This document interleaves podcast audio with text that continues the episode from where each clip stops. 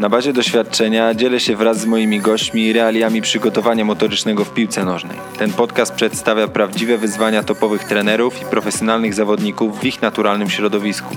Nie znajdziesz tu teoretycznego bełkotu. To samo praktyczne creme de la creme z zakresu motoryki. Nazywam się Michał Kwietniewski i zapraszam do wysłuchania podcastu Motoryka w piłce nożnej z zakulis. Dzisiejszym moim gościem jest Dawid Goliński, ale żeby tradycji stało się zadość, nie będę nic spoilerował. Dawid, przedstaw się sam. Witam bardzo serdecznie i na wstępie chciałem podziękować za zaproszenie, bo przede mną e, kilku świetnych specjalistów, także cieszę się, że, że mogę dołączyć do tego grona i podzielić się z Tobą i, i z resztą y, osób y, swoim jakimś spojrzeniem na, na przygotowanie motoryczne. Na dzień dzisiejszy jestem trenerem przygotowania motorycznego Miedzi Legnica, w której pracuję już od trzech lat. Wcześniej moja przygoda z, z przygotowaniem fizycznym z, tak naprawdę rozpoczęła się w 2013 roku, kiedy już jako student AWF-u wrocławskiego E, miałem taką sytuację i w ogóle to dla mnie była taka, taka trochę nobilitacja, bo e, skończył się zimowy semestr i e, tak naprawdę no, jak to, jako student pojechałem do rodziców do domu i musiałem odbyć praktyki trenerskie, jako że realizowałem specjalizację trenerską na AWF-ie we Wrocławiu, trzeba było odbyć praktyki trenerskie. I wtedy moja była drużyna, czyli Unia Tarnów, występowała w drugiej lidze, to były takie czasy, gdzie były dwie, dwie centralne drugie ligi, wschód i zachód. Trenerem był mój były WF-ista e, Tomek Kijowski, który zaproponował mi po prostu współpracę w ramach tego, mm, tego stażu I, i pamiętam, to była taka sytuacja też, że on musiał wyjechać na chyba dwa tygodnie do Białej Podlaskiej, żeby uzupełnić e, kurs UEFA A e, no bo to wtedy wchodziły ta, ta cała ta certyfikacja i tak naprawdę zostawił mi drużynę. Mówi, pracuj, drużyna drugoligowa jest do twojej dyspozycji. I tak naprawdę zosta zostałem sam z tą drużyną na dwa tygodnie, z moimi kolegami tak naprawdę, bo parę lat wcześniej graliśmy razem. No i tak naprawdę ja zostałem tylko z tą wiedzą studencką i trzeba było sobie radzić. Yy, poskładać. Tak, to jest, to jest prawdziwe zderzenie teorii z praktyką na głęboką wodę, ale to jest, y, to ma swoje zalety, muszę przyznać. Ja pamiętam wtedy to był okres, y, mówię, zimowy, przełom stycznia, lutego. Y, mieliśmy trening 22 zawodników na Orliku przy szkole, śniegu po kostki. Ja tam przyjechałem, no i po prostu postarałem się to jakoś złożyć w jedną całość. No i zaczęliśmy funkcjonować i tak się zaczęła ta tak naprawdę moja przygoda z, z, poważną, z, poważnym, z poważną pracą. Później zostałem oczywiście trochę dłużej y, z drużyną, ale już kiedy, kiedy, kiedy semestr wrócił, do, to trzeba było wrócić do Wrocławia i kontynuować, kontynuować jakby zajęcia i pracę dalej tutaj we, we Wrocławiu. Ale powiem szczerze, no to było bardzo, bardzo takie wyzwanie, któremu no, trzeba było stawić czoła, bo wtedy ta druga liga to było to, to coś dla, dla mnie to było coś naprawdę e, fajnego. No, miło to wspominam tak, tak naprawdę. No I później to już losy AWF-u, doktoratu przez pracę indywidualną, no i w końcu do, do, do Miedzi Legnica. No właśnie, bo y, opowiedziałeś o doktoracie. Nie wiem, czy nie popełniłem fopa, że nie przedstawiłem cię jako pan doktor. Czujesz się panem doktorem, czy jesteś raczej panem trenerem? Y ja bardzo nie lubię tego, e, tego określenia pan doktor.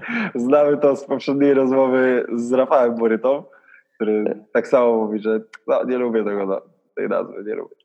E, czyli, powiem, czyli, nie utożsamiasz się z PhD? E, nie, inaczej. Może opowiem taką e, anegdotkę z tym związaną. Jakby nie doktorat, to też może nie byłoby mnie w Miedzi Legnica, bo jakby doktorat otworzył mi pewne horyzonty i e, ja bardzo chciałem to zrobić. Ja chciałem skończyć studia doktoranckie. Ja poświęciłem swoje prawie 4 lata na studia doktoranckie we Wrocławiu. I tak naprawdę, kiedy ja je ukończyłem, skontaktowała się ze mną ówczesna pani prezes, pani Martyna Pajączek i spotkaliśmy się na, na rozmowie, na obiedzie i ona tak później powiedziała, że no mówi, gdyby nie ten doktorat, to pewnie bym do ciebie nawet nie zadzwoniła. Ale to jak, jak to się stało, że znalazła twój numer? Ktoś jej podsunął, znaczy, tak? Nie, nie, nie. Generalnie to się odbyło bez żadnej rekomendacji. To była taka, no to też może taka wskazówka dla, dla innych, yy, dla reszty trenerów, którzy też zaczynają albo jakby dopiero są na, na początku tej, tej drogi trenerskiej. Ja po prostu któregoś dnia usiadłem w domu i powiedziałem, ok, przygotuję sobie, nazwijmy to trenerskie CV. Przygotowałem trenerskie CV, usiadłem, sprawdziłem na mapie Polski, które kluby mógłby, mogłyby być zainteresowane współpracą ze mną, moje, które byłyby zainteresowane moją osobą, no i rozesłałem swoje CV. I wierzcie mi, po tygodniu zadzwonił jakiś obcy numer, ja odbieram, a tam, dzień dobry pani prezes Martyna Pajączek, czy możemy umówić się na obiad? No i... Ciekawe, a maile kierowałeś na, nie wiem, biuro małpa Mieć Legnica EU?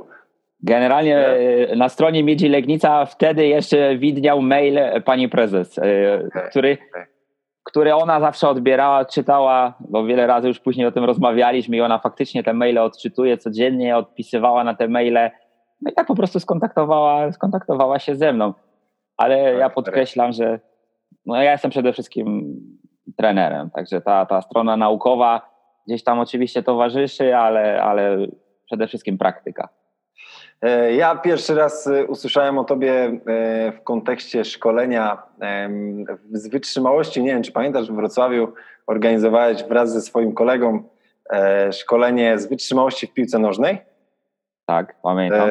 I przedstawiliście tam koncepcję pracy Maximal Aerobic Speed, która nam też była, nam też była bliska. I to pamiętam było takie, takie pierwsze zderzenie.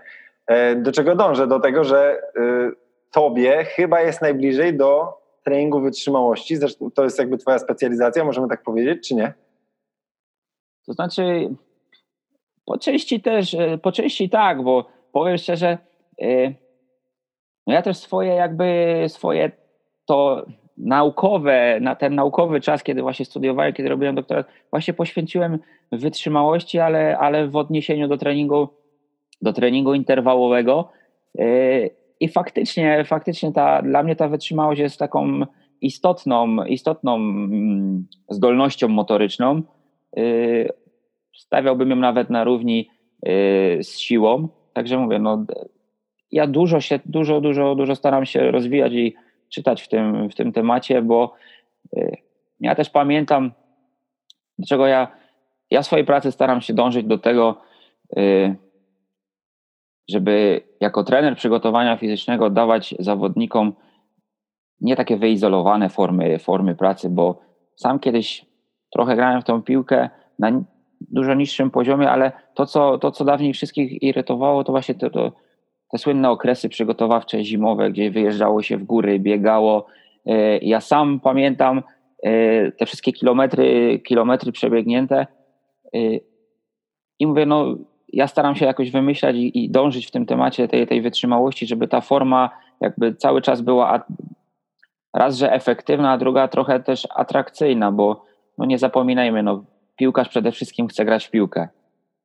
Także no oczywiście, no, zgadzam się, no, ta wytrzymałość gdzieś mi towarzyszy i, i, i myślę, że jeszcze będzie długo towarzyszyć. Do tematu Maximal Aerobic Speed i, yy, i całego tematu wytrzymałości jeszcze wrócimy. E, natomiast e, ja ostatnio trafiłem w mediach społecznościowych na e, organizację czy konferencję o tajemniczej nazwie ISSPF International Soccer Science and Performance Federation. Federation. Tak, taka jest pełna nazwa.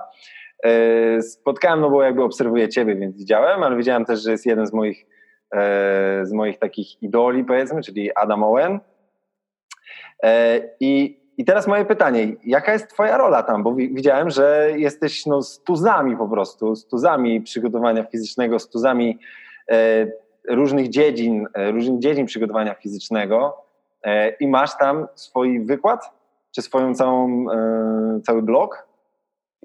To znaczy generalnie no ja się bardzo cieszę, bo yy, to też trochę taka jest, yy, może nieśmieszna sytuacja, ale kiedyś znajomy Y, analityk, który, z którym pracowałem w Miedzi Legnica mówi załóż LinkedIn, bo tam jest bardzo dużo, dużo możliwości kontaktu, wymiany doświadczeń, ludzie są bardzo otwarci ze świata nauki, ze świata treningu. Załóż, warto spróbować porozmawiać z ludźmi, bo naprawdę, bo naprawdę ciekawe osoby tam możesz poznać. No i któregoś dnia po prostu Adam do mnie napisał, czy byłbym zainteresowany współpracą, bo on przejrzał mój profil, moją osobę na ResearchGate, w LinkedInie, gdzieś tam zebrał opinię z, ze środowiska polskiego, no i zaproponował współpracę. Generalnie to cała idea tego projektu polega jakby na, to jest taka jakby pla, platforma dla trenerów, trochę taka e-learningowa platforma dla trenerów, gdzie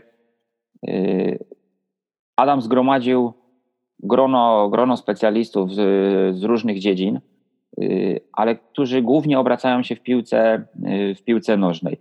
I zaproponował cykl wywiadów. Wywiadów, y, później cykl wykładów, takich już stricte, stricte z przygotowania motorycznego. No i właśnie wygląda to w ten sposób, że mm, ja od czasu do czasu, tak średnio co dwa tygodnie wrzucam, nagrywam taki powiedzmy webinar y, z poszczególnych, y, z poszczególnych tematów, który później jest umieszczany na platformie i osoby, które jakby są zainteresowane y, edukacją poprzez, poprzez, ten, poprzez tą platformę, przechodzą kolejne etapy tego jakby szkolenia e-learningowego, gdzie pojawiają się poszczególne, poszczególne wykłady, w tym, w tym też moje. I cały ten kurs, całe to szkolenie jakby kończy się, będzie kończyło się egzaminem i, i, i certyfikatem. To jest takie trochę, trochę ułatwienie dla trenerów.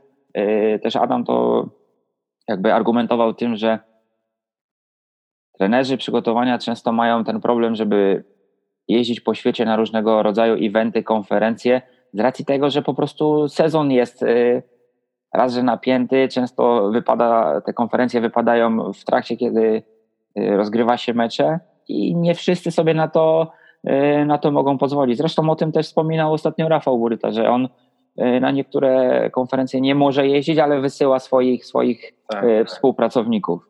Także my to jest, to jest taki, taki projekt, który dynamicznie się rozwija. Już pierwsze, pierwsze jakieś tam pierwsze newsy, pierwsze informacje w świecie społecznościowym się, się pojawiły, ale jeszcze taka oficjalna jakby prezentacja, otwarcie to jeszcze, jeszcze przed nami. No, ja Ci bardzo serdecznie gratuluję i z niecierpliwością czekam na Twoje wywiady. Na pewno kupię tam dostęp, żeby, żeby między innymi Ciebie i innych, innych posłuchać, bo uważam, że to jest, e, że to jest bardzo, bardzo fajna, e, fajna okazja.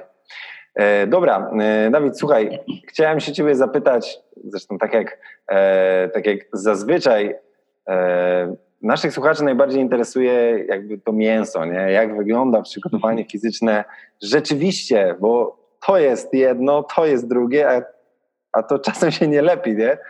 E, I chciałem cię zapytać, e, na wstępie może zacznę troszkę inaczej. Mówiłeś, mówiłeś sporo o takich praktycznych sytuacjach, więc pociągnijmy to dalej. E, już wiemy, że uważasz się za, głównie za trenera, czyli za praktyka.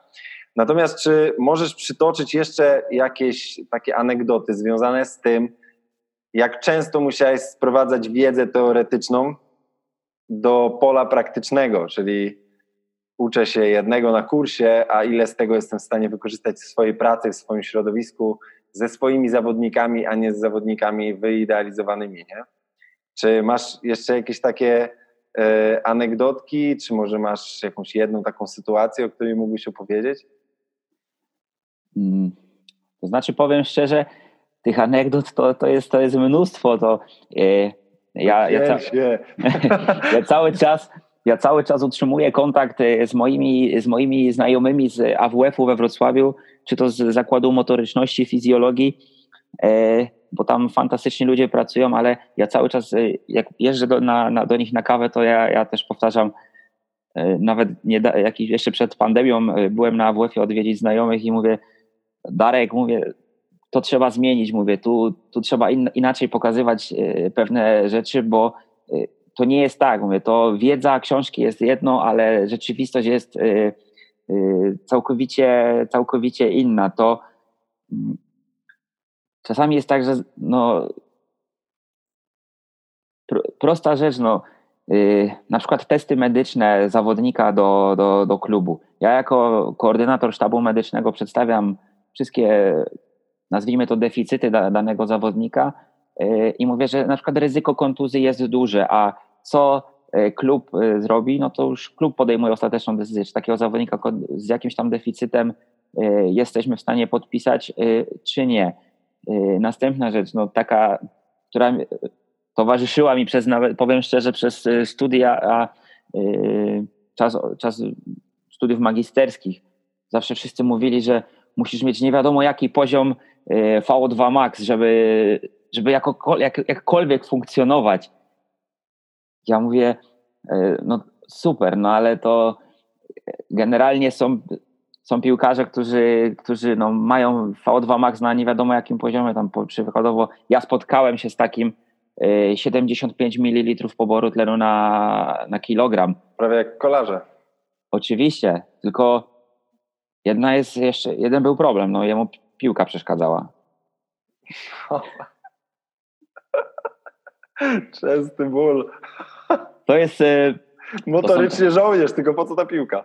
Tak. E, mówię, no to, to mówię, takich anegdot e, to jest sporo czy też z tkanką tłuszczową. No, są zawodnicy, którzy mają predyspozycję do, do, do, do nabierania tej masy mięśniowej, ale jak historia polskiej piłki pokazuje, często y, ci zawodnicy, o których mówiono się, że, że mają za dużo kilogramów, czy też nieatletyczną sylwetkę, to też byli wiodący zawodnicy w swoich, w swoich zespołach. Także, Albo w całej lidze, jak wiadomo o kim mówimy z waszego zespołu, który już nie występuje u nas w Ekstraklasie, Peteri Forcel. E, występuje w Koronie Kielce. Teraz jest w Koronie Kielce, widzisz, to tak. tego nawet nie wiedziałem. No, piłkarsko naprawdę wysokiej klasy zawodnik tak naprawdę. On nie miał problemów z drużynami topowymi, e, ciągnąc niemalże, wiesz, całą drużynę za sobą. E, no, ale umówmy się, że atletyczna sylwetka to nie była jego wizytówka. Ja nie chciałbym tego jakoś tam bardzo komentować, ale generalnie y, no Peteri to bardzo, y, bardzo duży profesjonalista, bardzo człowiek, który jest zakochany w piłce nożnej. Y, wiadomo, media czasem kreowały jakąś tam niepotrzebną, niepotrzebną otoczkę wokół jego, jego stylu życia, jego, jego, jego sylwetki. Ja mogę tylko powiedzieć tyle, że przez cały okres pracy z nim Uważam go za świetnego piłkarza, wybitnego wręcz piłkarza, e, jaki był, jaki, z jakim miałem okazję pracować w Miedzi Legnica. Trzeba też wziąć pod uwagę, że do niego trochę przy, przygnęła ta łatka transferu do Krakowi.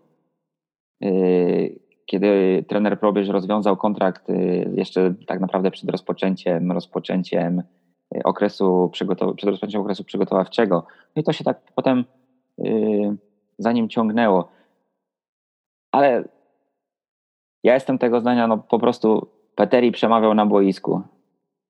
No tak, i jego uderzenia z 20 paru metrów. Uderzenia, ale jego inteligencja, bo, bo też mówię, on, on bardzo dużo widział na, widzi na boisku. To jest człowiek, który bardzo szybko myśli. On, e, on ale on z piłką się poruszał bardzo dynamicznie. Oczywiście, on. E, a jak on, ja jestem ciekawy, jak on wyglądał w testach na przykład szybkościowych, no bo robicie, nie? Generalnie to nie był, to nie jest typ szybkościowy zawodnika, to jest mhm. oczywiście typ wytrzymałościowy, to jest zawodnik, y, no mogę śmiało powiedzieć, zamykał test jojo na, y, w teście wytrzymałości, tak? tak także, tak, tak. także naprawdę wytrzymałość na bardzo dużym, na bardzo wysokim poziomie i bardzo duża siła. Naprawdę Y, duża siła, krótka dźwignia, stąd ta, tak, tak, ta moc.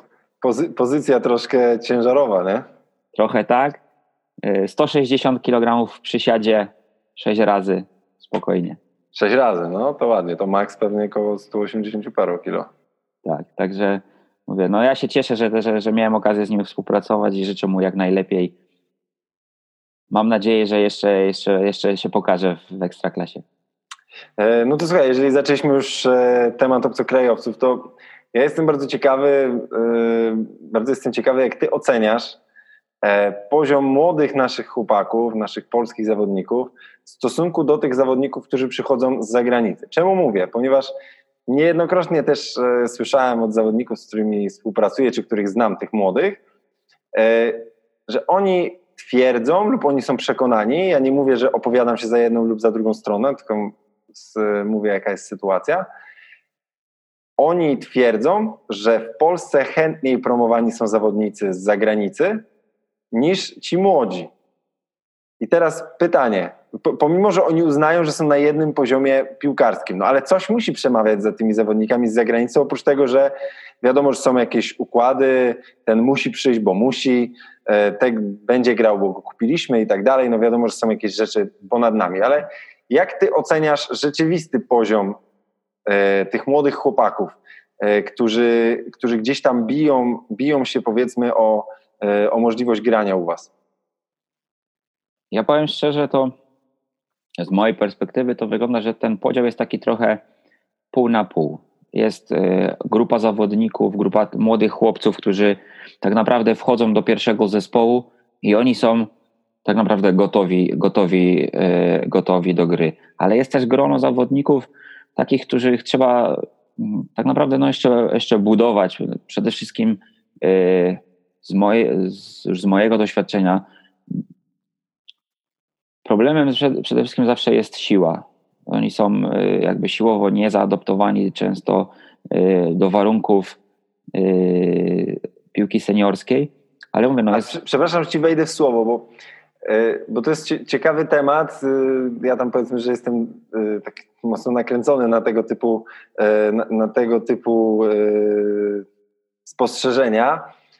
Ja mam ostatnio takie spostrzeżenie, z którym dużo osób się nie zgadza, a mianowicie uważam, że często tym chłopakom brakuje po prostu masy mięśniowej, co może być spowodowane tym, że jest totalnie zdemonizowany trening kulturystyczny, czy podejście kulturystyczne w sporcie, szczególnie w sporcie młodzieżowym. A jak orientowałem się w wielu topowych miejscach, między innymi w Akademii e, nie wiem czy mogę mówić, topowej Akademii Portugalskiej, oni regularnie stosują po prostu trening hipertrofii mięśniowej i to taki typowo kulturystyczny, wiesz, 8-12 ruchów, wydłużona faza ekscentryczna i tak dalej, i tak dalej. Wszystko po to, żeby obudować tych młodych chłopców, wykorzystać ten wyrzut testosteronu i innych hormonów e, androgennych do tego, żeby przyspieszyć czy wzmożyć proces budowania masy mięśniowej. Bo dzięki temu oni są na przykład silniejsi w kontakcie, bo nie są, e, nie są wiesz, mięcy jak pluszowy misio, tylko też troszeczkę w swoim ciele się czują, e, czują lepiej. Oczywiście trzeba to wyważyć, ale jestem ciekawy Twojej opinii. Czy, czy widzisz tu jakiś, jakąś zależność? Znaczy tak, generalnie ten gorsat mięśniowy jest, jest, jest dużo, no, no, no, dużo słabszy niż, niż zawodników takich już, którzy są w treningu seniorskim ja też, ja też mam takie wrażenie, że my mało wykorzystujemy tego czasu około treningowego. Takiego, gdzie, gdzie możemy właśnie wykonać jakiś dodatkowy, dodatkowy trening właśnie ukierunkowany na hipertrofię. Yy, bo też mam czasami takie wrażenie, że trenerzy się boją tego, że, że zawodnik stanie się mniej zwrotny przez to, że, że, że nabierze masy mięśniowej, że jakby właśnie boją się tego, tego, że on się stanie bardziej kulturystą. Tak, że on się stanie klocem, nie? Oczywiście, że on będzie Ale... kwadrato, kwadratowy i tą bryłę będzie ciężko w, e, w przestrzeni y, obrócić. Tak, ale to popadamy ze skrajności w skrajność, bo często unikając treningu kulturystycznego robimy tylko powiedzmy skoki, wiesz, wiesz tylko tam w jednej prędkości ruchu operujemy. Hmm. On nie nabiera masy mięśniowej, on może i te jego w tak przekroju poprzecznym włókienko jest, y, jest troszeczkę gęstsze. E, natomiast objętościowo ten mięsień też musi przybierać. Szczególnie jeżeli on rośnie jeszcze, mężczyzna rośnie do 21 roku życia, więc on będzie rósł jeszcze jakoś w jakiś sposób. Będzie, yy, będzie tak no, nabierał, nabierał tej męskości, tak, żeby okrzep tym, tym, tym swoim ciałem. Yy, I często widzę, że popadamy ze skrajności w skrajność, albo te chłopaki chodzą sami na siłowni i robią klatkę z bicepsem sześć razy w tygodniu, co ich zamyka, wiadomo, albo robimy tylko i wyłącznie sam dynamiczny akcent, nie? a w ogóle nie, nie akcentujemy fazy izometrycznej, pracy mięśnia, fazy ekscentrycznej, nie stosujemy ćwiczeń, które są e, przypisane do e, nie wiem, atlasów kulturystycznych, jak wyciskanie handli leżąc. Wiesz, wiesz o co mi chodzi, że tak. nie potrafimy znaleźć złotego środka, bo nie wiem, zobaczyliśmy, że w Barcelonie no to pracują na gumach i tam na ekscentriksach tylko, no ale to no nie wiem, ja, ja jakoś czuję tutaj taką małą niesprawiedliwość. Generalnie ja też trochę uważam, yy, że to wszystko podąża trochę takimi cyklami za modą. Mod, mod, jak, jest, jak się moda, moda zmienia, tak yy, jakby ukierunkowuje się myślenie niektórych za, zawodników. Ja, ja często, jak rozmawiam z zawodnikami, czy też z innymi trenerami, ja mówię, cofnij się do prac Werkoszańskiego, do tamtych lat. To tak naprawdę nic się nie zmieniło e, w niektórych aspektach, tylko zmieniło się nazewnictwo.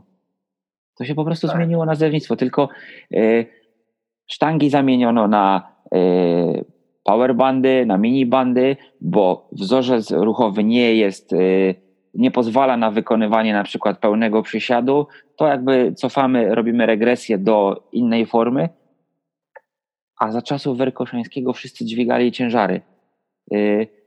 Ja ostatnio oglądałem w tym wolnym czasie, może dzisiaj to wiadomo, to jest już abstrakcja, ale yy, film o Hubercie Wagnerze, Kat. To mhm.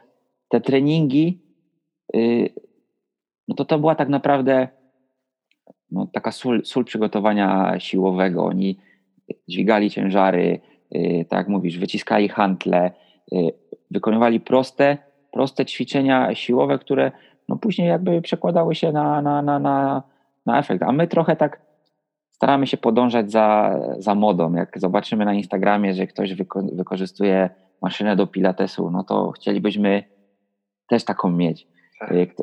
Tak. Jak, zaczął wchodzić e, Exos do Polski, to Kaisery, tak? No, dla wielu nieosiągalne z racji, z racji kosztów i, i różnych rzeczy. E, tak samo na przykład jak weszły do użytku minibandy. Wszyscy zaczęli chodzić z minibandami. Dużo zaczęło się na przykład, y, co ja zauważyłem u piłkarzy, duży problem z rotacją wewnętrzną. Bo tak, wszyscy, tak, tak, wszyscy tak. spacerują. Wszyscy w większości kupiają się na rotacji zewnętrznej. I, I nawet. Czas... No, przepraszam. No, I nawet o tym ostatnio rozmawiałem z Bartkiem Bibrowiczem. Yy, rozmawialiśmy jakieś dwa tygodnie temu i on też to samo mówi. I, i mówi tak, mówi, właśnie, że wszyscy zaczęli chodzić z tymi minibandami i trochę sami zrobiliśmy sobie, zrobiliśmy sobie tym krzywdę. Ja też uważam, a poza tym to się zaraz przenosi, zaraz się przenosi na, na przeciążenie w obrębie przywodziciela, który, który jest, umówmy się, ale u piłkarza rejonem ciała bardziej podatnym na uraz niż w innych dyscyplinach, bo jest on aktywnie używany, a nie tylko jako rejon pasywny przy poruszaniu samym sobie, nie? czyli przy kopaniu, ten przywodziciel y, się zużywa, a wzmacniając tylko i wyłącznie odwodziciele, Oczywiście. a przywiedzenia, no nie wiem, czy spotkałeś się, że równie często w rozgrzewce aktywujemy przywiedzenie jak odwiedzenie? Ja rozumiem, że mięsień pośladkowy może być osłabiony i, i tak dalej, i tak dalej, ale naprawdę uważam, że nie ma co popadać ze skrajności w skrajność, choć miniband, jak każdy inny, jest dobrym narzędziem, tylko trzeba je mądrze stosować, nie? Może niekoniecznie pięć razy w tygodniu i na każdej jednostce chodzić do boku, do przodu, jakimś tam zygzakiem i tak dalej, nie? Bo można to zastąpić na x sposobów. Ważne są w tym wszystkim proporcje. No, po prostu trzeba zachować pewne, pewne, pewne proporcje, pewien, pewien umiar w tym wszystkim i nie zapominać, że nadrzędną rzeczą to jest gra w piłkę. Tak, tak. Bo tak, odchodząc od tematu, y, trochę odbiegliśmy. Różnica między Polakami, młodzieżowcami, a zagranicznymi zawodnikami, ja też dostrzegam to. Y, w ekstraklasie mieliśmy w, y, w zespole pięciu Hiszpanów. Gra jeden na jeden. Mhm. To jest towar deficytowy w Polsce tak naprawdę. Tu masz rację, rzeczywiście o tym się dość rzadko mówi, albo mówi się niezbyt przekonująco, bo mało się słyszy, może tak. A rzeczywiście jest tak, że, że ta praca jeden na jeden, znaczy w sensie dri, dribbling, zachowania też mm, w pojedynku jeden na jeden są takie średnio rozwinięte, powiedzmy szczerze. Także, ale... Mówi, że o, ten gość robi różnicę, nie? Bo, bo wygrywa pojedynek w bocznym sektorze. No, to jest normalna sprawa dla zawodnika w bocznym sektorze. No. To jest twój zastrady, obowiązek gościu wygrać jeden na jeden w bocznym sektorze. No. Ale oczywiście. Oczywiście, tylko to ja dążę do tego, że trzeba jakby chcieć podejmować te, te pojedynki, a dla zawodników właśnie takich jak y, ja, takich, z którymi ja miałem okazję współpracować, no to oni z tego, to, to ich najbardziej cieszyło, gra jeden na jeden. To jest po prostu no, coś, coś, co jest nieodłącznym elementem piłki, y, ale powiem, no mówię, chcę kontynuować ten wątek młodzieżowców. My w ostatnim, w przedostatnim meczu, jakby przed zatrzymaniem y, rozgrywek, tak naprawdę kończyliśmy, w meczu wystąpiło czterech młodzieżowców, także, y, także ja mówię, jest też bardzo silna grupa, bardzo silna grupa fajnych chłopaków, którzy fizycznie już są gotowi yy, i naprawdę oni mocno, mocno pukają do, do tej seniorskiej, seniorskiej piłki i, ja uważam, że jak oni są na takim poziomie, to, to, trener, to trenerzy na pewno nie będą bali się na nich, na nich stawiać i nie, nie jest potrzebny wtedy przepis o, o młodzieżowcu. Po prostu on, on, swoją, swoją jakby postawą sam, sam sobie to, to miejsce wywalczy. Powiedz mi, jako że e, pracujesz już kilka lat w samej Legnicy, a wcześniej w innych klubach piłkarskich wiem, że też e, pomagałeś, pomagałeś na, na uczelni. Chciałbym się Ciebie zapytać, jak od tego 2013 roku w Twoim odczuciu zmieniło się przygotowanie fizyczne w Polsce? Bo mówiliśmy tutaj o pewnej zależności od mody, mm, od, od tego, co jest popularne na świecie w danym momencie, czy, czy bardziej w Polsce w danym momencie. E, a jak według Ciebie, jak, jak według Ciebie ta, e, ta krzywa się, e, się plasuje? Czy, czy przygotowanie motoryczne idzie w górę, idzie w dół, czy ma stagnację? Czy, jak, jak to oceniasz? Ja uważam, że w kontekście przygotowania motorycznego robimy naprawdę mocne kroki do przodu. Z każdym tygodniem, miesiącem, z każdym kolejnym kolejnym sezonem. Co ja odczułem na pewno, to totalnie odeszło się od treningu tlenowego ciągłego, metodą ciągłą. Tego się już praktycznie nie stosuje, chyba że w fazie tam rehabilitacji, powrotu, powrotu do yy, po kontuzji w tych wczesnych, yy, wczesnych etapach. Bardzo mocny nacisk stały, zaczęto kłaść na trening interwałowy i to, to w, różnych, w różnych formach. No i przede wszystkim ta siła, ta, ta trening siłowy, yy, tu też jakby spojrzenie na ten trening siłowy moim zdaniem troszeczkę, troszeczkę się zmieniło, bo takie mam odczucie, że długo walczyliśmy z mitem nie trenuj siłowo, bo, bo nie będziesz, nie zahamujesz wzrost, tak? Także nie, nie, nie trenujmy, ale mówię to tutaj, tutaj ja widzę duże, duży, duży krok do przodu, ale też jakby edukacja, edukacja trenerów, edukacja tej grupy zajmującej się przygotowaniem idzie, idzie mocno do przodu, yy, bo też wiedza jest bardziej dostępna, jest coraz więcej kursów, coraz więcej szkoleń. Yy, I Jeżeli myślę, chodzi o nasz rynek, no bo jakby zagraniczny cały czas był dostępny. Oczywiście, tylko że no też yy, wiadomo, no różnie to było, czasami trzeba było naprawdę nazbierać trochę pieniędzy, żeby wyjechać za granicę na jakiś no, do, dobry staż czy dobry, yy, dobry kurs. Ja nawet pamiętam taką historię. Yy, to, było pierwszy, to było na pierwszym roku yy, doktoratu, już po studiach poszedłem do, do kierownika katedry z, z, z, kolegą i mówimy, że no, chcielibyśmy polecieć do Stanów na, na staż do Athletic Performance. Czy, czy, czy możemy liczyć na jakieś dofinansowanie z uczelni? Pan profesor mówi, Widzicie tą półkę? Zabierzcie sobie te książki do domu, poczytajcie i to będzie wasz staż. I tu w tych książkach jest wszystko napisane, a oni to tylko chcą od was pieniądze. No właśnie. I mamy zderzenie teorii z praktyką. No i taka jest prawda. No i, yy, i mówię, no, to są takie, takie zmiany, które, które, które ja dostrzegam. I też jakby ta rola trenerów przygotowania motorycznego w sztabach trenerskich jest coraz bardziej istotna, kluczowa. Y, jakby, jakby trenerzy, no też mówię, no mają, mają bardzo dużo, du, du, duży wkład w, w rozwój zawodnika, drużyny.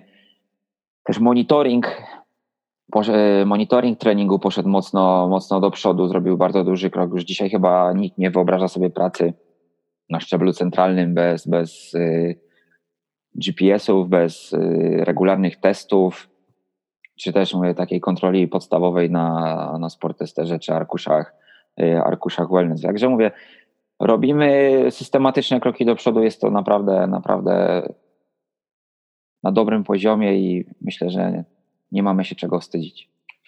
Chciałem Ci zadać pytanie, które może być kontrowersyjne lub nie, e, ale często w kontekście, czy w środowisku przygotowania motorycznego piłkarze uchodzą za leniwych.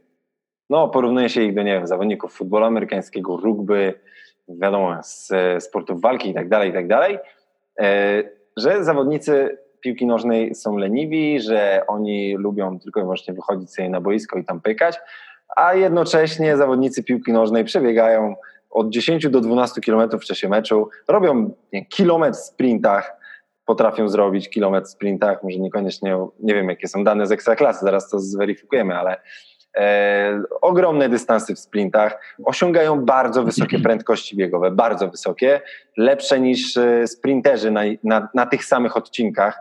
E, osiągają, jak, jak słyszymy, niezłe wyniki siłowe. 160 w przysiadzie na 6 ruchów to jest bardzo dobry wynik siłowy. E, no i teraz pytanie do Ciebie.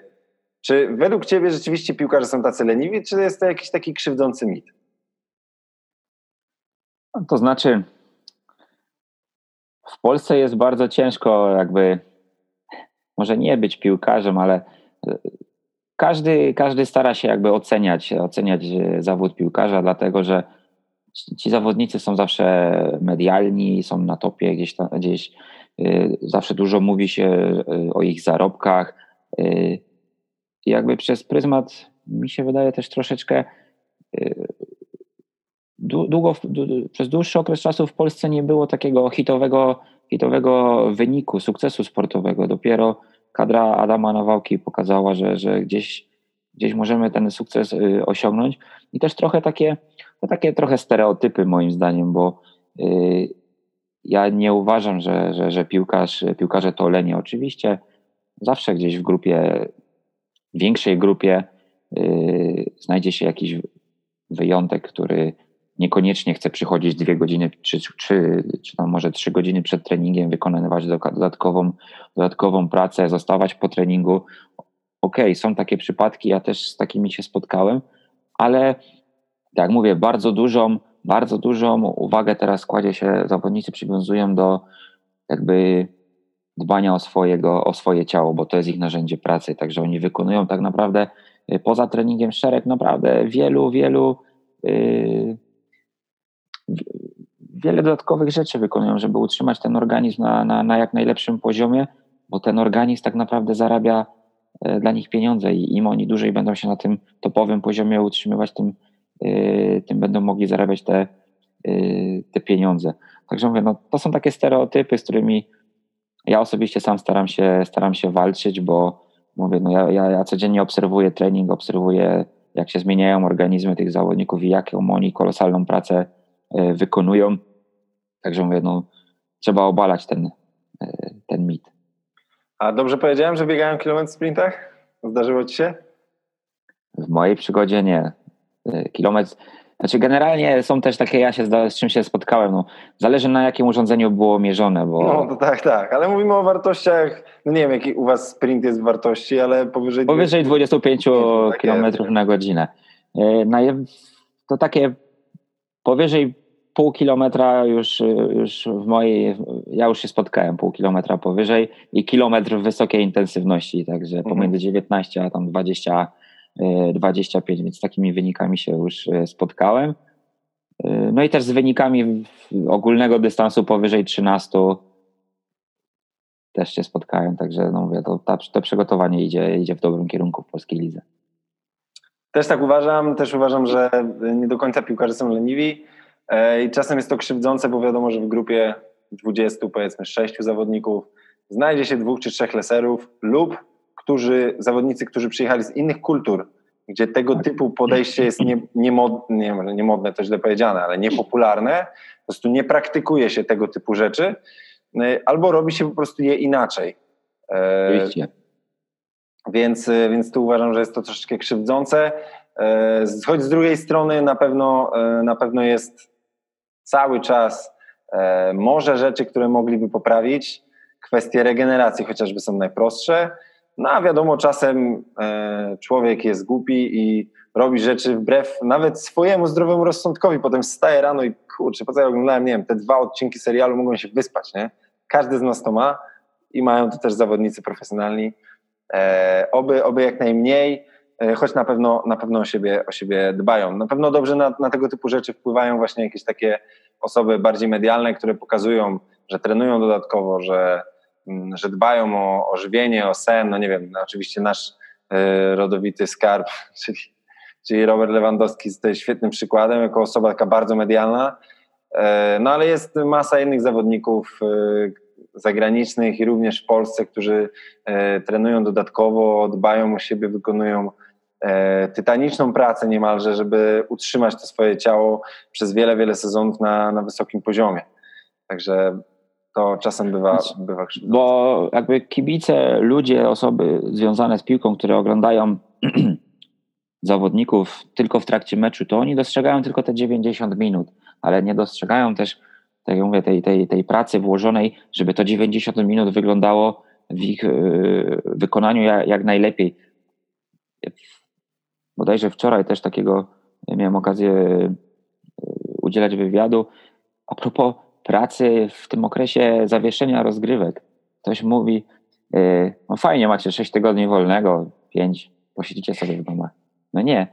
Ja bym pokazał zawod, zwykłym laikom, ilość wykonanej pracy przez tych zawodników, jeszcze w takich warunkach, gdzie on jest w Polsce poddany izolacji, a jego rodzina jest przykład, na przykład w Hiszpanii, jak i, i on nie może tak naprawdę do nich polecieć, a oni nie mogą przylecieć do niego.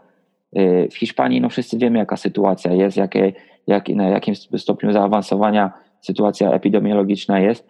Także mówię, to jeszcze on musi wykonywać dodatkowy, dodatkowy trening, Y, biegowy, często siłowy, taki monotonny. Także mówię, no to, to jest naprawdę bardzo, bardzo, tak jak podkreśliłeś, tytaniczna, tytaniczna praca.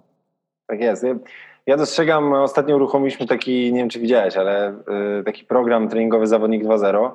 Zapisało się na, naprawdę sporo osób i jestem cały czas jakby w kontakcie z tymi, z tymi osobami. Pozdrawiam, jeżeli ktoś nas słucha teraz z tej grupy. E, I naprawdę to, co ja im przygotowałem, to y, nie jest dla osób, które nigdy nie trenowały, wiesz, i chcą się poruszać 20 minut na YouTubie. Tylko to są dwa treningi dziennie, dzielone trening siłowy, szybkościowy, wytrzymałościowy. Chodzi o to, że jest sporo tej pracy, zarówno pod względem objętości, jak i intensywności. E, jeżeli ktoś myśli, że ten czas można sobie przeleżeć i przebimbać, na Netflixie, czy tam na, grając w Counter Strike'a, no to, no to znacząco się myli, bo potem szybko pierwsze treningi, szybko, szybko taką, taką przerwę zweryfikują. To znaczy, ja uważam, że życie prywatne, jak ktoś ma ochotę takie, takie życie prowadzić, okej, okay, tylko na boisku jest przysłowiowa robota. Ona musi być zrobiona. Jak zatrenujemy, to, to, jest, to pracujemy na wysokich obrotach, tak jak to powinno być. Jak jest mecz, to jest to samo. To, co ty tam będziesz robił w domu, musisz przyjść do, do, do, do, do klubu i wykonywać swoją pracę. A niestety ci, i życie to pokazuje, że ci, którzy taki, a nie inny tryb życia prowadzą i jakby mało inwestują w swoje, yy, swój organizm, to te kariery niestety nie trwają, nie trwają zbyt długo. Mają bolesne upadki. Oczywiście. A powiedz mi, Dawid, y, czy ty możesz wyróżnić jakiś styl czy metodologię y, treningową z przygotowania motorycznego, do której ci jest najbliżej? Znaczy, wiesz, no mamy, mamy takie y, opozycyjne style, nie wiem, Hiszpania, Anglia, nie? Mhm. Ktoś powie, Barcelona jest dobrze przygotowana, ale Tottenham też jest dobrze przygotowany. No i kto jest lepszy? Wiesz. Czy ty mógłbyś wytłumaczyć, na przykład powiedzmy, że słucha nas teraz zawodnik A i on chciałby wiedzieć, no według której, czy tam trener A, i on chciałby wiedzieć, według której e, metodologii lepiej byłoby e, się kierować, nie? według która jest rzetelniejsza. Znaczy, nie ma takiego złotego klucza, moim zdaniem. No, ja nie, nie jestem ukierunkowany na y, metodologię EXOS, EPI, czy tam inne, inne, inne formy.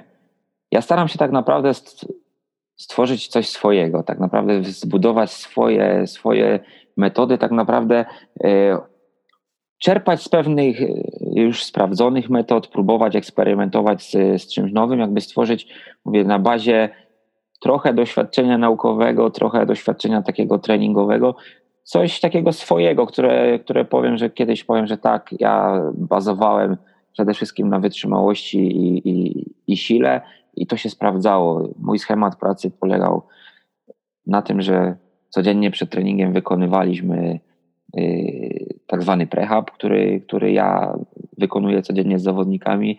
Yy, także ja nie jestem ukierunkowany na, na stricte jedną, tym bardziej, że w przygotowaniu fizycznym wszystko musi falować. Ta zmienność musi zostać e, zachowana. Kiedyś na, AWF, kiedyś na AWF-ie rozmawialiśmy podczas zebrania katedry fizjologii i dobrze znany zresztą w, w piłce nożnej e, e, doktor Bartek Ochman, mój kolega, mówi powiem wam szczerze, ja już tyle lat diagnozuję piłkarzy, że ja bym mógł dobrać trenerów w pary i sugerować prezesom, jak te, jak te pary, e, jak tych trenerów wymieniać. Prosty przykład.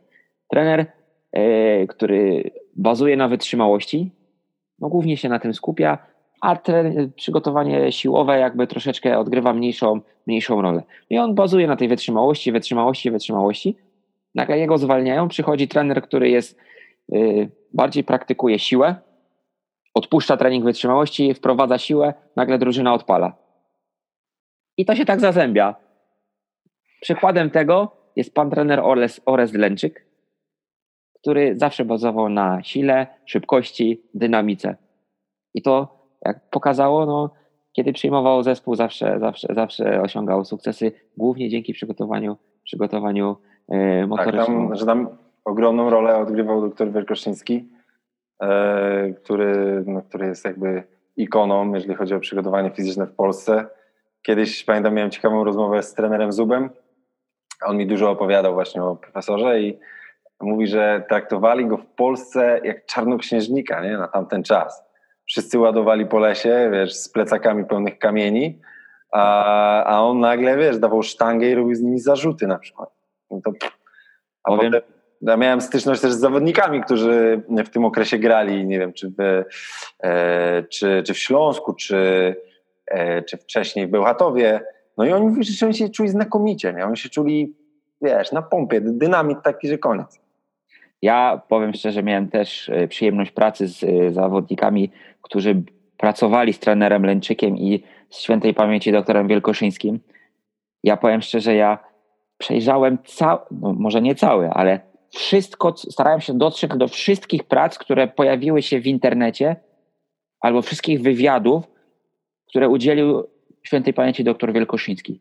Naprawdę. Mam y, kilka takich y, zapisanych, ale starałem się też rozmawiać z zawodnikami, którzy z nimi, z, z, tym duetem pracowali. Przede wszystkim właśnie z Łukaszem Gargułą, z którym miałem możliwość pracy w Miedzi Legnica. I on tak naprawdę o, dziesiątki godzin prze, prze, prze, przegadaliśmy o przygotowaniu motorycznym, bo on zawsze wracał do trenera Lęczyka, do, do świętej pamięci doktora Wielkoszyńskiego, bo to, co ty powiedziałeś, on czuł w nogach dynamit, to, y, to on najlepsze lata miał właśnie w Bełchatowie, właśnie pod, tak. pod y, y, współpracując z trenerem i, i, i, doktorem Wielkoszyńskim i on, on mi opowiadał, jak, jak, jak jeździli do Spały, jak z tymi słynnymi sztangami tam, jak kamieniami, e, skipy z kamieniami. E, Ale wiesz co jest ciekawe, w ogóle ja widziałem jakieś filmy mi trener pokazywał, no to stary, oni e, robili bardzo dużo rzeczy, które na przykład promuje teraz Franz Bosch, nie? Bieganie z kijkiem nad głową, na przykład w celu utrzymania miednicy. Może nie było to tak pięknie opakowane i opisane w książce, może wiesz, było to trochę bardziej na czuja czasem, może, ale to było skuteczne i to było coś, co niewątpliwie wyprzedzało epokę. No to, to wyprzedzało epokę po prostu. Ale to właśnie bazowało na eksplozywności, na, na sile, na mocy. To, to, co też można nieraz wy, wyciągnąć z pracy Werkoszańskiego. Te proste właśnie metody, bo wszyscy biegali po lasach, bo tak mówiono, musisz zbudować bazę tlenową, musisz biegać, biegać, biegać. A świętej pamięci doktor Wielkoszyński mówi, jak będziesz szybszy, no to będziesz krok przed zawodnikiem, będziesz po prostu miał przewagę nad nim. Także e, ja pamiętam też taką e, anegdotę mi opowiadał e, Łukasz Garguła, obóz Turcji, rozruch przed, przed sparingiem. E, dwa zespoły, które po południu miały ze sobą grać, tam e, jakaś tam zagraniczna, zagraniczny zespół no i wychodzą zawodnicy z trenerem Lęciekiem, a on im słynne krzesła dookoła głowy, bieganie, wchodzenie. Mówi, no patrzą na nas jak na wariatów. Po południu 5-0 bez sztycha. No właśnie, to tutaj trening poranny też pamiętam zawsze robiliśmy. E, też na tego typu właśnie. Ja, ja też dużo się nauczyłem właśnie z tej, e, z tej szkoły powiedzmy, e, która uważam, że trochę krzywdząco została potraktowana przez jedną z organizacji. Tak trochę zdemonizowana, zdeprawowana, no ale nieważne. W każdym razie, idąc, idąc dalej, słuchaj, Chciałem zadać pytanie, jakby co jest dla Ciebie ważne w przygotowaniu motorycznym, ale już tutaj tyle powiedzieliśmy, że właściwie po pierwsze ciężko określić, co jest najważniejsze, więc to takie trochę gubiące pytanie. E, po drugie, wiemy, że wywodzisz się z wytrzymałości, ale nie, nie stronisz od treningu siły. E, I powiedziałeś bardzo ciekawą rzecz na początku, nie wiem, czy to przyswoiliście, czy nie, słuchając, ale że wytrzymałość stawiam tak samo e, wysoko w hierarchii, jak prawie jak siłę, tak samo jak siłę. I teraz chciałem Ciebie zapytać, czy mógłbyś ustrukturyzować swoją odpowiedź i wyróżnić top 3 zdolności motorycznych? Czy jest to w ogóle możliwe? Jeżeli tak, to wymień. Top 3 zdolności motorycznych. W piłce nożnej, rzecz jasna. Siła, szybkość, wytrzymałość. Siła, szybkość, wytrzymałość. Ok, czyli wolałbyś mieć zwolniejszego zawodnika, który podnosi większe ciężary? Czyli ja bym chciał mieć zawodnika, który jest w stanie generować dużą moc i szybko się regenerować jak, jak najczęściej, nie tylko raz y, wygenerować bardzo dużą moc i potem 3 minuty, 3 minuty odpoczywać. Dlatego y, jak będzie silny, to będzie generował dużą moc, a jak będzie wytrzymały, to to mu pozwoli szybko się regenerować pomiędzy, pomiędzy tymi eksplozywnymi wy, wysiłkami. I dlatego ja też y, jakby stawiam na te, na te, na te dwie zdolności, tak. To jest ciekawe, bo to, o czym powiedziałeś, utwierdza, e, utw znaczy potwierdza, nie utwierdza, potwierdza taką tezę, że te zdolności motoryczne bardzo ciężko e, ciężko określić właśnie w takiej hierarchii, nie? bo tak jak powiedziałeś, wolę mieć zawodnika, który generuje dużą moc, ale nie musi się długo regenerować, Albo tak, a, a, i chcę mieć takiego zawodnika, który może dużo i długo coś robić o dynamicznym charakterze. Więc jakbyśmy mieli to przedstawić w formie diagramu, no to tam te strzałeczki wariują, nie? one wzajemnie się przewijają, e, mieszają i tak dalej, i tak dalej. E, I tak naprawdę do, do czego dąży przygotowanie fizyczne, to stworzenie kompleksowego zawodnika. Ani, ani szybkiego, ani tylko silnego, ani tylko wytrzymałego, tylko kompleksowego, który przede wszystkim umie grać w piłkę. Oczywiście, dlatego mm, dlatego trzeba łączyć te, znaczy ja staram się łączyć to przygotowanie motoryczne, jakby jak najbardziej wkomponować w trening e, piłkarski. No, najprostszym tego przykładem, znaczy najprostszym, fantastycznym przykładem tego jest e, duet trenerski Guardiola e, Lorenzo Buenaventura, tak, gdzie tak naprawdę on jako trener przygotowania fizycznego jest jednym z pierwszych jego asystentów i on tak naprawdę no, Guardiola też podkreślił kiedyś w swoim wywiadzie, że nie istnieje coś takiego jak przygotowanie fizyczne, tak, motoryczne. To taka kontrowersja była słynna, yy, którą on na jednej z, konferencji wrzucił, ale powiem szczerze, dlaczego, dlaczego do tego dążę? Pierwsze treningi, które, które, które teraz będą e, odbywały się po czasie tej pandemii, e, po czasie odwieszenia możliwości treningu, to jestem w 100% przekonany, że jak dołączymy piłkę, dołączymy akcenty boiskowe zawodnikom, którzy tak naprawdę przeszli okres przejściowy taki i gdzie biegali, jeździli na rowerach, to ta wytrzymałość to, to będzie całkowicie inny charakter, e, charakter wysiłku. Samo bieganie to jest bieganie to jest dla, dla lekkoatlety. Piłkarz to jest właśnie piłka, grząskie boisko. Wiele czynników na, na, na, na, tą, jakby na to obciążenie wysiłkiem, e, wysiłkiem wpływa.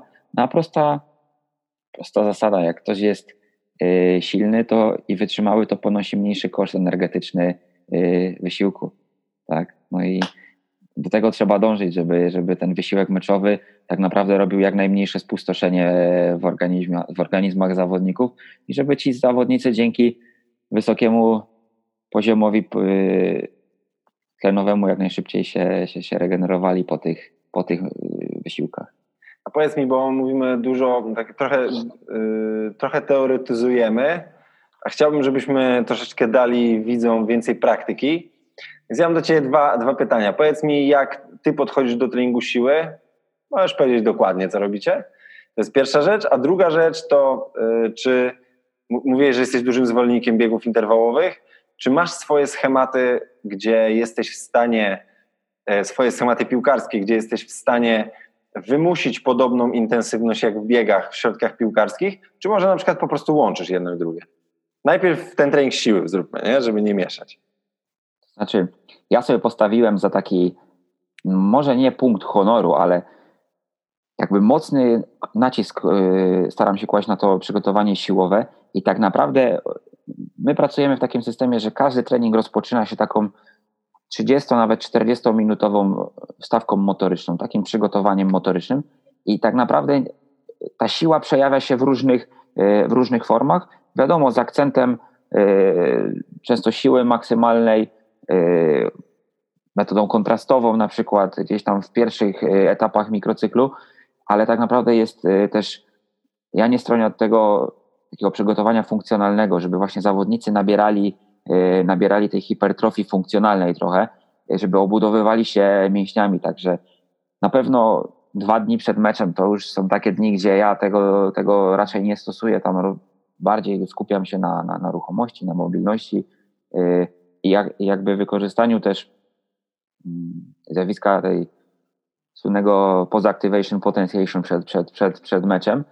Y, ale mówię, ta siła w pierwszych trzech dniach mikrocyklu na pewno się y, przejawia.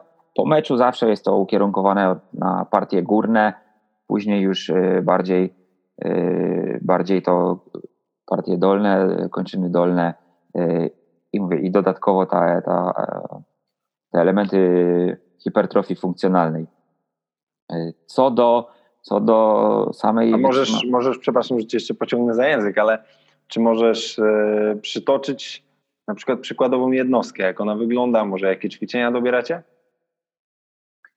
E, no taki przykładowy trening, trening siły, znaczy ja zawsze stosuję przysiad w różnej formie, czy to jednonóż, czy przysiad z gryfem z tyłu, różne formy przysiadu, ale one zawsze, zawsze nam towarzyszą, ale z podziałem na, z podziałem na, na zawodników, z racji tego, że są zawodnicy, którzy potrzebują pracować na naprawdę wysokich obciążeniach typu 80, 85, 90% jednego, maksymalnego powtórzenia, ale ja też już doświadczenie mi pokazało to, że są zawodnicy, którzy po prostu tego nie tolerują. W sensie takim, że na przykład Hiszpanie są takimi zawodnikami, którzy, który, od których no, w pewnym sensie trzeba znaleźć alternatywę dla, dla tej metody takiej stricte, stricte siłowej, mm, atletycznej wręcz yy, i zastąpić na przykład zwykły przysiad yy, przysiadem yy, bułgarskim czy jakimiś innymi yy, formami. Także no, ta forma przysiadu się zawsze gdzieś tam pojawia. Yy, podciąganie jako, jako forma tutaj górnej partii, wyciskanie na, na klatkę, yy, ćwiczenia olimpijskie, yy, martwe ciągi, zarzut. Robicie, tak? Zarzuty robicie? Tak, za, zarzut, y, zarzut z, pewnego czasu zaczęliśmy, zaczęliśmy jakby wdrażać to i, i zaczęło to, zaczęło to, to funkcjonować, więc, więc staramy się iść w tym kierunku. Yy, plus różne formy też alternatywne, no, dużo ćwiczeń z piłkami lekarskimi yy, jako alternatywa dla tych ćwiczeń, dla tych ćwiczeń olimpijskich, dla zawodników, którzy sobie po prostu nie radzą jeszcze technicznie z wykonaniem na przykład zarzutu. A robicie to na boisku, czy macie jakąś salę? Znaczy, w, mamy, mamy siłownię niepełnowymiarową, ale taką, nie, taką za, za, zaadoptowaną na nasze, na nasze potrzeby. Mhm. Często dzielimy to, dzielimy to na grupy i, i, po prostu w mniejszych grupach realizujemy, ale też nie ukrywam, no, w okresie takim, gdzie sprzyja, gdzie sprzyja pogoda, to realizujemy to też na, na boisku. Właśnie wykorzystując często wtedy tą metodę kontrastową yy, i dodatkowo tam dokładając jakieś elementy, elementy piłkarskie do tego. Czyli łączycie też takie formy hybrydowe. Oczywiście. Tam, czyli macie metodę kontrastową, jakby ktoś nie wiedział, to jest połączenie ćwiczenia ciężkoatletycznego, na przykład siadów ciężkich, e, z, nie wiem, skokami, czy z jakimś ćwiczeniem o wyższym prędkości ruchu w podobnej biomechanice. Oczywiście. E, nie wiem, czy wy stosujecie właśnie siady, tak? I coś, i coś jeszcze? Siady z? Siady, później też e, często ja wykorzystuję marsze ze, ze sankami. Mhm. E, tych, tych form jest wiele tak naprawdę. Teraz to już e, musiałbym naprawdę odświeżyć to wszystko i, i, i zebrać, żeby to tak jakoś systematycznie ułożyć, ale to jak mówię, no ta metoda kontrastowa się, się często, często przejawia. Zwłaszcza w okresie startowym. Okej. Okay. Znaczy, kiedy, robi... kiedyś byłem na szkoleniu z Carlo Buzichielim i on taką fajną rzecz powiedział, że tak naprawdę w okresie startowym do podtrzymania siły maksymalnej wystarczą dwa, trzy ćwiczenia, a resztę to raczej, raczej trzeba skupiać się, się na mocy, więc przysiad, martwy ciąg, podciąganie, czy wyciskanie na klatkę, plus do tego zarzut, jakieś elementy, elementy mocy i to według niego powinno, powinno wystarczyć i jak na razie to w naszym przypadku się to nawet, powiem szczerze, sprawdza. Okej. Okay. E, dobra, a, e, a powiedz mi, jak z, tymi, jak z tymi środkami, wiesz, wytrzymałości? Znaczy, generalnie my staramy się realizować bardzo dużo rzeczy y, w grach, różnego mhm. rodzaju grach, przez y, duże, średnie i, i, i małe gry.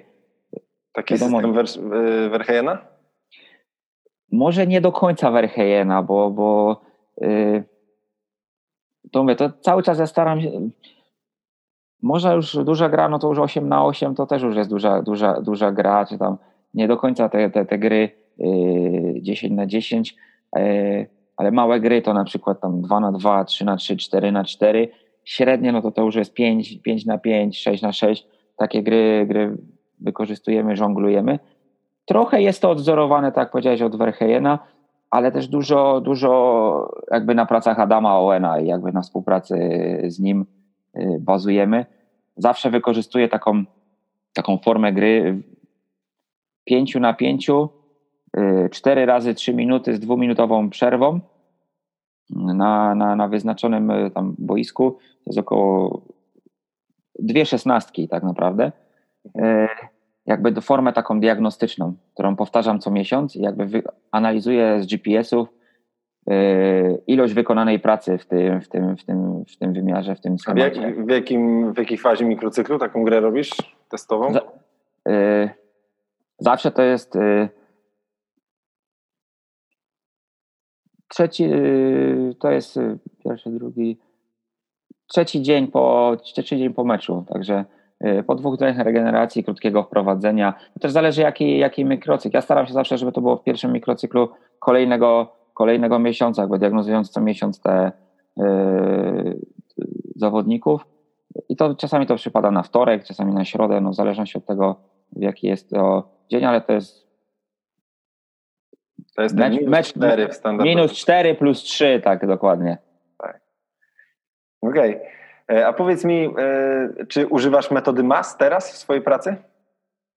Yy, oczywiście. A może ja, innej? Ja wy, wykorzystujemy Mas wykorzystujemy też w okresie, w okresie, dużo w okresie przygotowawczym. Też mamy swoją periodyzację. Ale jak mamy, powiem szczerze, jak na dobrym poziomie wytrzymałościowym zawodników mamy, to staramy się bardziej ukierunkować to, to w grach, wykorzystywać gry, bo też no, no, trzeba to pod, dostosować pod filozofię pracy trenera. Nie, no oczywiście, oczywiście. To jest nadrzędne. Także w okresie przygotowawczym ta forma mas się oczywiście pojawia w, jako interwały 30-sekundowe, jako taka forma bardziej yy,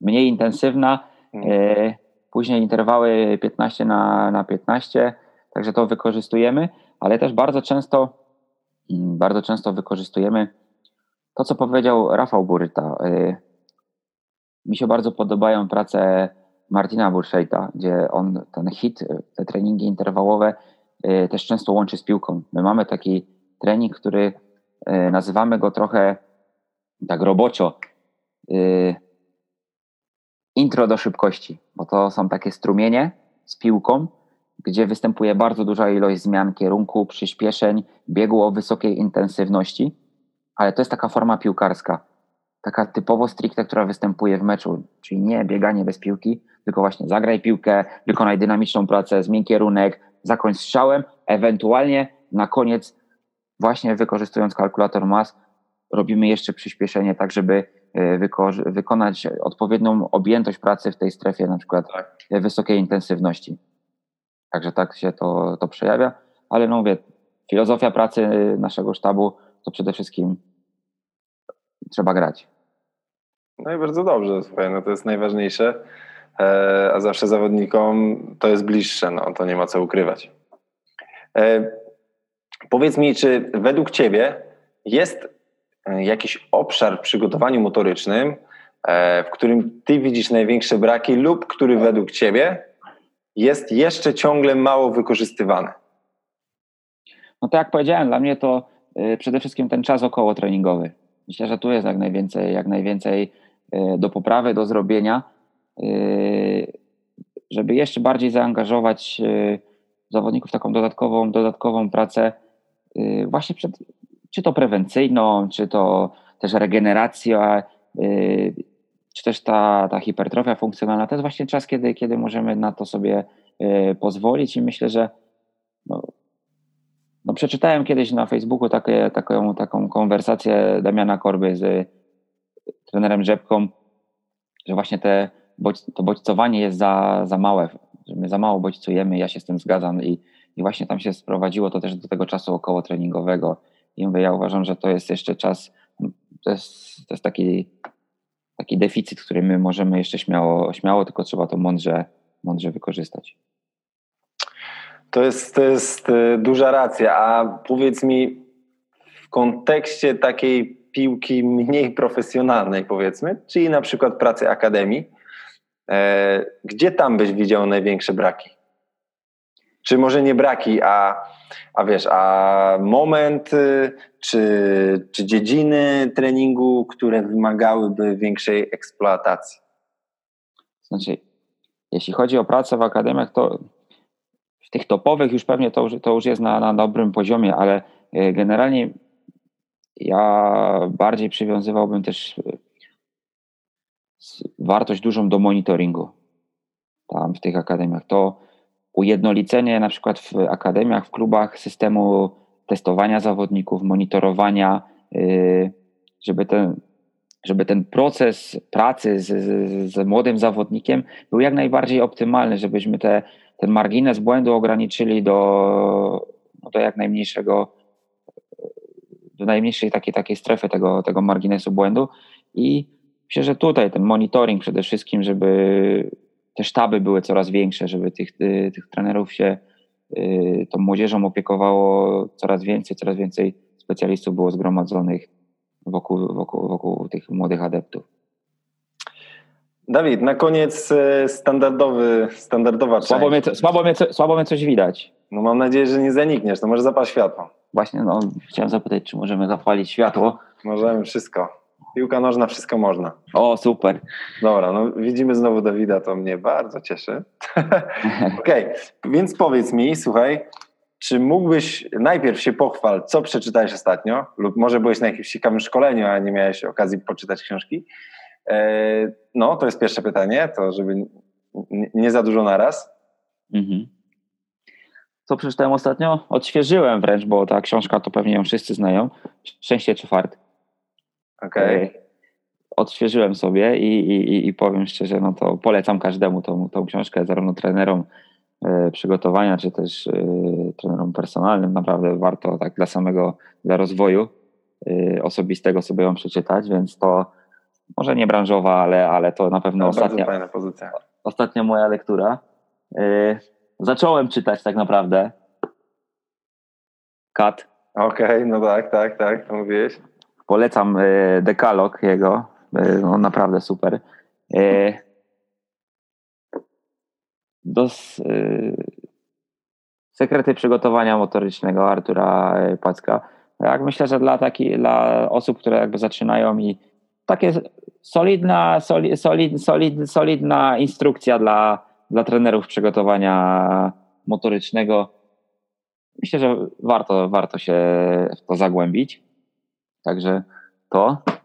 No i tutaj teraz może e, nikogo nie zaskoczę, bo pewnie już wszyscy to pokazywali, ale obowiązkowo Carlo, którego miałem okazję poznać we Wrocławiu na szkoleniu, nawet odwoziłem go na, na lotnisko i mamy kontakt do dzisiaj.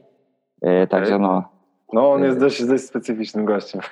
Bardzo specyficznym, ale e, powiem szczerze, ile razy napiszę do niego na, na Facebooku z pytaniem o, o jakimkolwiek, to zawsze odpisuje i, i jest bardzo. bardzo tak, nie, on jest bardzo serdeczny, typowy. Tak, oczywiście.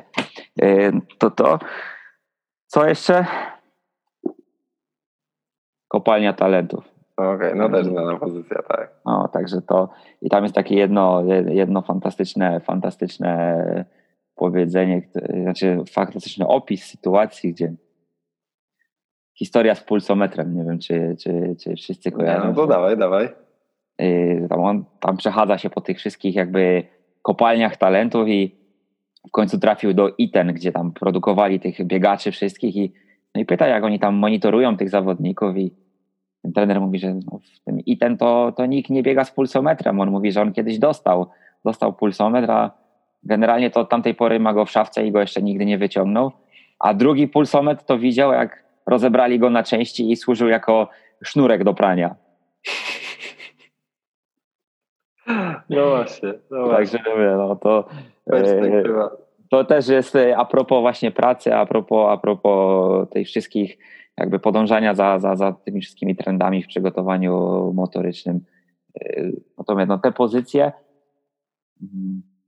Jest jeszcze jedna pozycja, która znaczy w ogóle poświęcona osobie, która, która mnie bardzo, że tak powiem, inspiruje i, i, i, i którą bardzo podziwiam.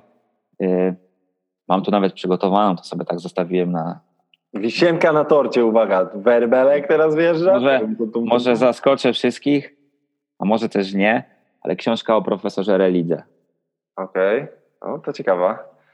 No, dla mnie bardzo ciekawa, bardzo ciekawa postać i taka trochę yy, przełomowa, przełomowa w Polsce i jakby jego podejście, podejście yy, do całej sprawy tych przeszczepów i, i, i, jak to zostało ukazane w książce, w filmie, który został nakręcony na jego, na jego cześć. Także mówię, na początku uznawano go za szaleńca, a później, później wszyscy wiemy, jak to się wszystko y, potoczyło i to trochę też jest tak y, y, w przygotowaniu motorycznym. Jak wprowadzisz coś nowego.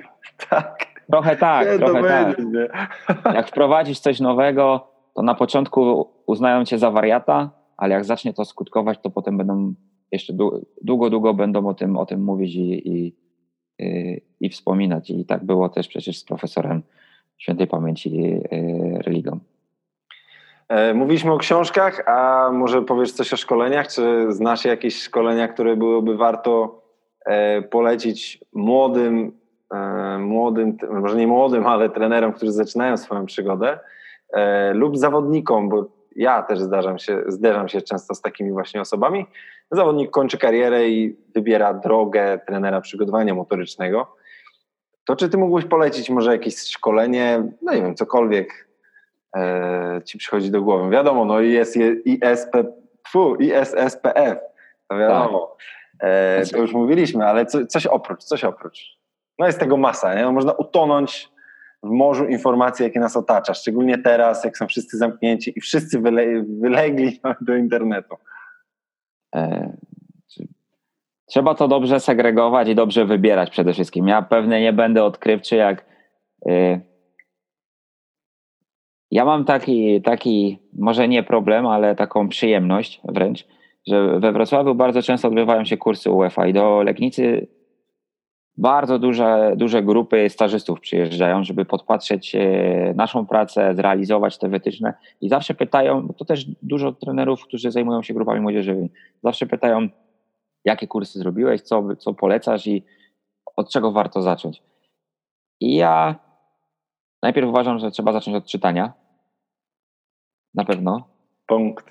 E, od czytania, bo książki, dobre książki to są, to są na wagę złota Yy, jeśli chcesz pracować z dziećmi, to zapraszam do, zawsze do Was, zawsze Was polecam. A, dziękuję bardzo. Yy, tu bez kurtuazji, bez niczego, ale zawsze tam już kilku nawet moich znajomych u Was, u was na, na szkoleniach gościliśmy, było. Gościliśmy, dziękujemy.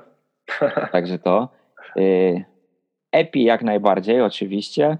No i takie, ta, ta wisienka na torcie to są, to znaczy wisienka, no na, Exos jest, jest jakby na ostatnim miejscu, jakby w tej gradacji, czyli to, co też już pewnie u Was się przewijało, Wasze szkolenie, EPI i na koniec e, Exos z racji też, że no ten Exos jest e, no najbardziej kosztownym, kosztownym szkoleniem, ale też uważam, że takie must have to konferencja PSTM-u, e, która jest coroczna, bo tam można... Pozdrawiam Bartka Wiborowicza z tego miejsca. Oczywiście.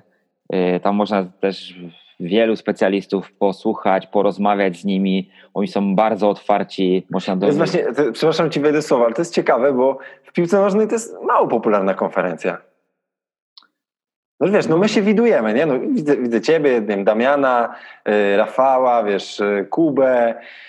Wiesz, osoby, które tu się przewijały.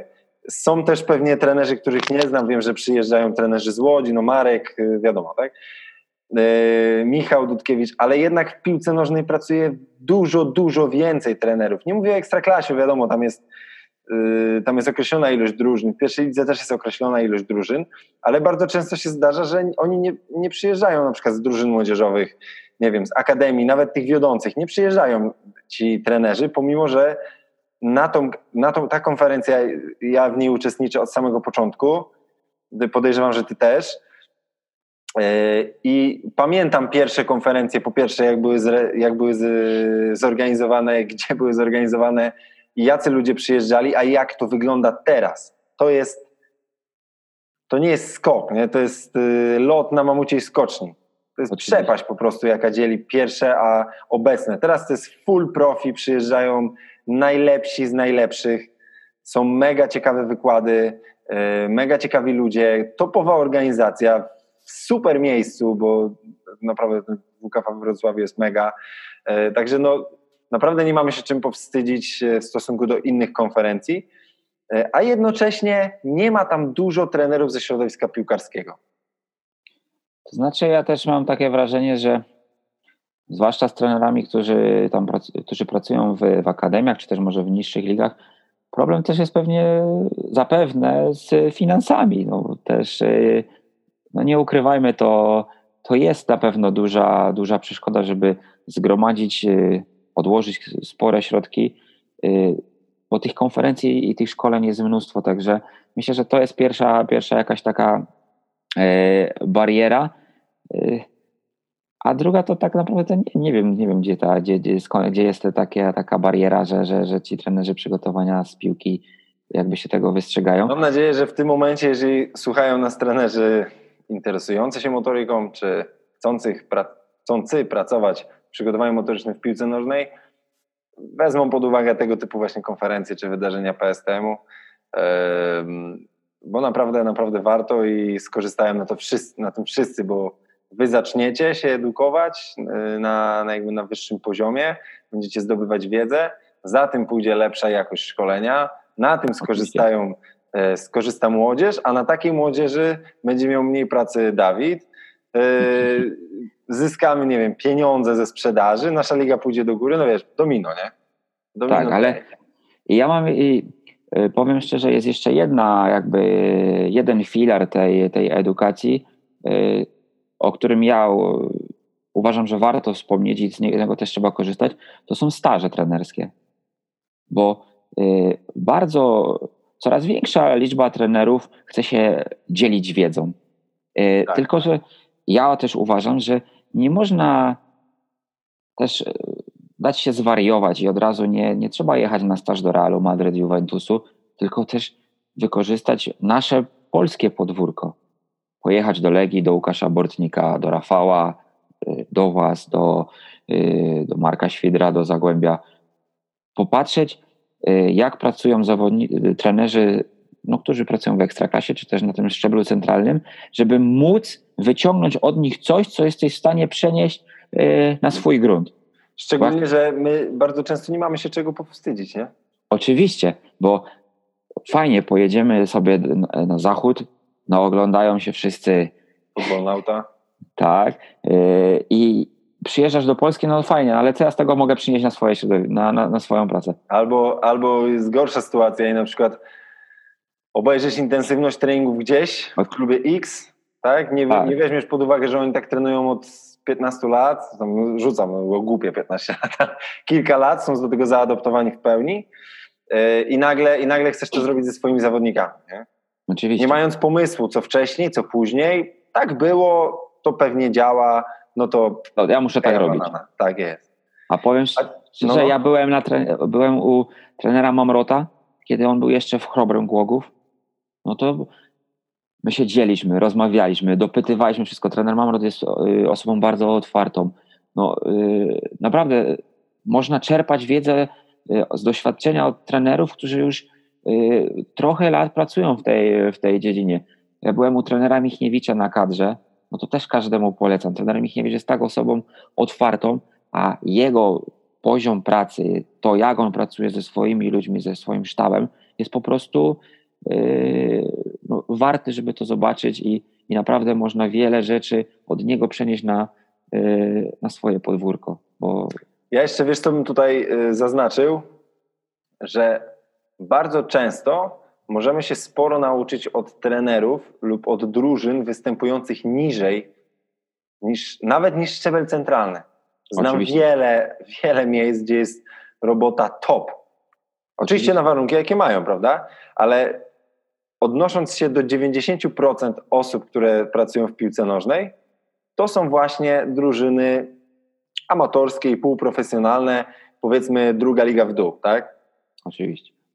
No umówmy się, że to jest 90% i jeżeli trener realizuje kurs FAA i pracuje w drużynie U16 w lidze wojewódzkiej, to co mu da, że on pojedzie na staż E, gdzieś wysoko, gdzie Oczywiście. trenują 8 razy w tygodniu. Jest zupełnie inne podejście do budowania mikrocyklu, ani jeżeli pojechać do klubu nie wiem, jakiegoś X, nie chcę nikomu robić reklamy, wiesz, e, w niższej lidze, gdzie wie, że jest dobry duet trenerski, czy tam sztab trenerski i wiadomo, że tam robią dobrą robotę, nie? bo jest takich miejsc sporo. Sporo.